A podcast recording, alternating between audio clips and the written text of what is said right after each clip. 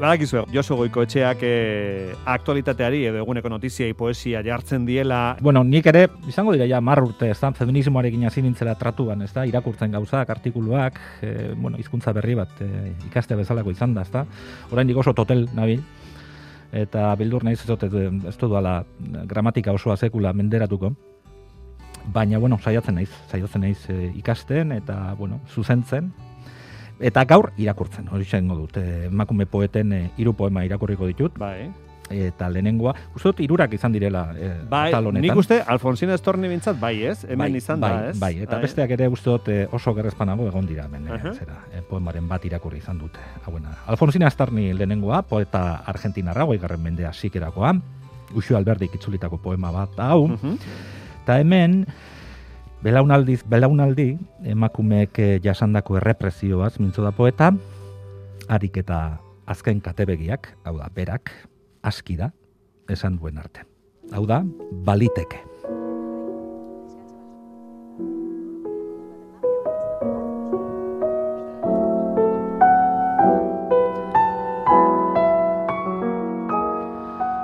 Baliteke nik neurtitzetan oro sentitua ez izatea sekula izan ezin zena baino. Zerbait debekatua eta erreprimitua sendirik sendi emaztetik emazteraino. Diote egin beharreko guztia neurtua zegoela nire jendearen familia leinuetan. Diote isilak izan direla amaren aldeko emakumeak baliteke benetan. Inoizka, amari askatasun irrika somatu nion, baina samin sakona igozitzaion begietara eta itzalean egin zuen negar. Eta garrazturiko, garaituriko, mutilaturiko hori dena, haren ariman itxita zegoena, ez ote dudan neukaskatu oarkabean.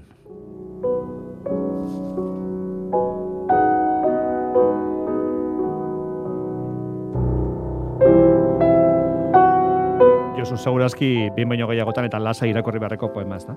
Bai, e, bai. poemak hori dute, eh? Mm. aurreko baten ira, irakurri nion norbait iztuko goratzen nori, berez poemak irakurtzeko eginak daudela. Entzutean, e, bueno, hartzen dugu, haren haren zerbait izpi bat hartzen dugu, ezta? baina benetan poesia irakurrik mar da, behin eta berriro, bai. edo gauean, e, iluntzean, sofan eseri eta poematxo bat irakurri, eta ari buruz hausun hartu. Zan dezagun, atal hau dala, por bat, bueno, amua, e, balio beza Josuren amu honek, gero jendeak hartu dezan liburua, gainera euskara zere badago, euskara ekarreta dauka Uxo Alberdik, ez Hori da, hori da munduko eta... poesia kaieretan.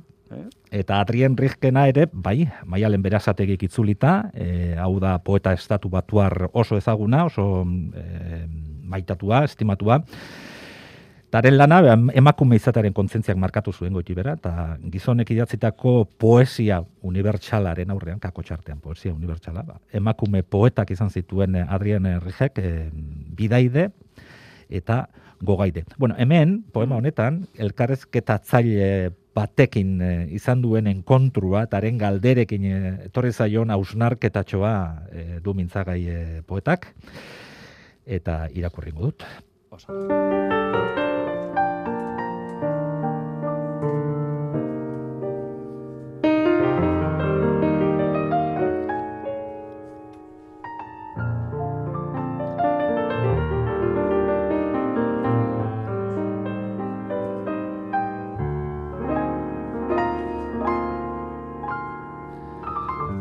Imaginatzen alduzu emakumez bakarrik osatutako mundu bat galdetu zidan elkarrizketatzaileak. Imaginatzen alduzu emakumerik ez den mundu bat txantxa ustean zebilen gizona.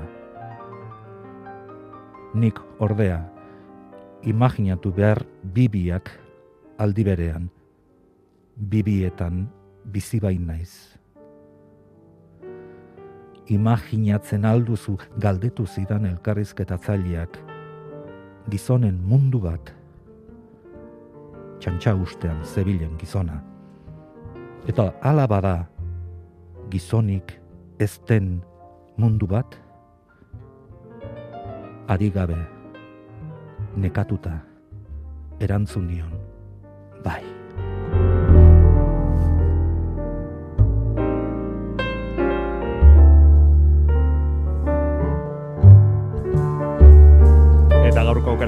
Amaitzeko etxera zatoz, ezta? Etxera dator, Mariluz Esteban, Euskal Poeta dugu, e, bueno, erreferentzia handia da Euskal Feminismoan, e, Mariluz Esteban, eta azken urteotan baita Euskal Poesian ere, idatzi dituen bi poemak, ba, bueno, astindu egin dutelako, ba, literatur panorama, e, amaren eriotzak librago egin induen, eta Andrez Zarraren manifestoa dago azken hau berriago, eta uste, piak ere gaztelanera itzuli dituela, eta, bueno, zabalkunde katalanera ere bai, e, zabalkunde handia izan ari direla liburuok, eta, bueno, ba, posgarria hori. Bueno, hemen uste dut poema honetan, Simon de Beauvoirren esaldi famatura duela abia puntu, ezta? Emakume ez da jaiotzen, egin egiten da. Hau da, emakumearen, eh, emakume, femeninotzat ditugun tasun horiek, ba, e, kulturalak edo direla, ezta? Eta hortik kabiatzen da poema hau idazte, e, idazteko. Eta poema hori da, eskapan.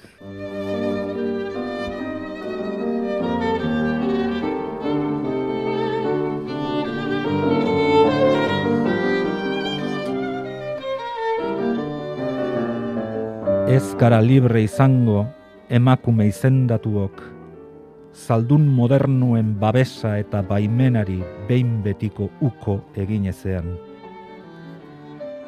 Ez gara libre izango emakume izendatuok, errai muinean erein ziguten maitatzeko joera konpultsiboa errotik erauzi eta berrasmatu artean. Ez gara libre izango emakume izendatuok, gizonen ahots gandorrak aldika isilarazi eta guri adi jartzen ez diren bitartean. Ez gara libre izango emakume izendatuok bakardadea sortuz bakardadean bizirauten trebatzen ezkaren bitartean emakume izateari eskapan.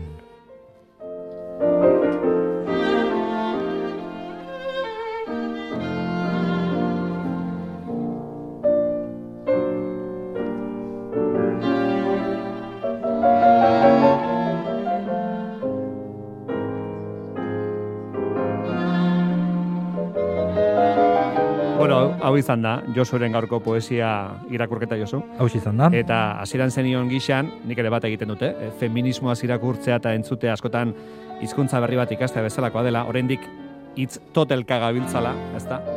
Baina, bueno, ari gara egiten ez era esfortzu, ez? Saiatu da. Gauzak txukunago esateko, ez? Hori da. Eh, Josu, atornazten zaiko dugu? Hori da.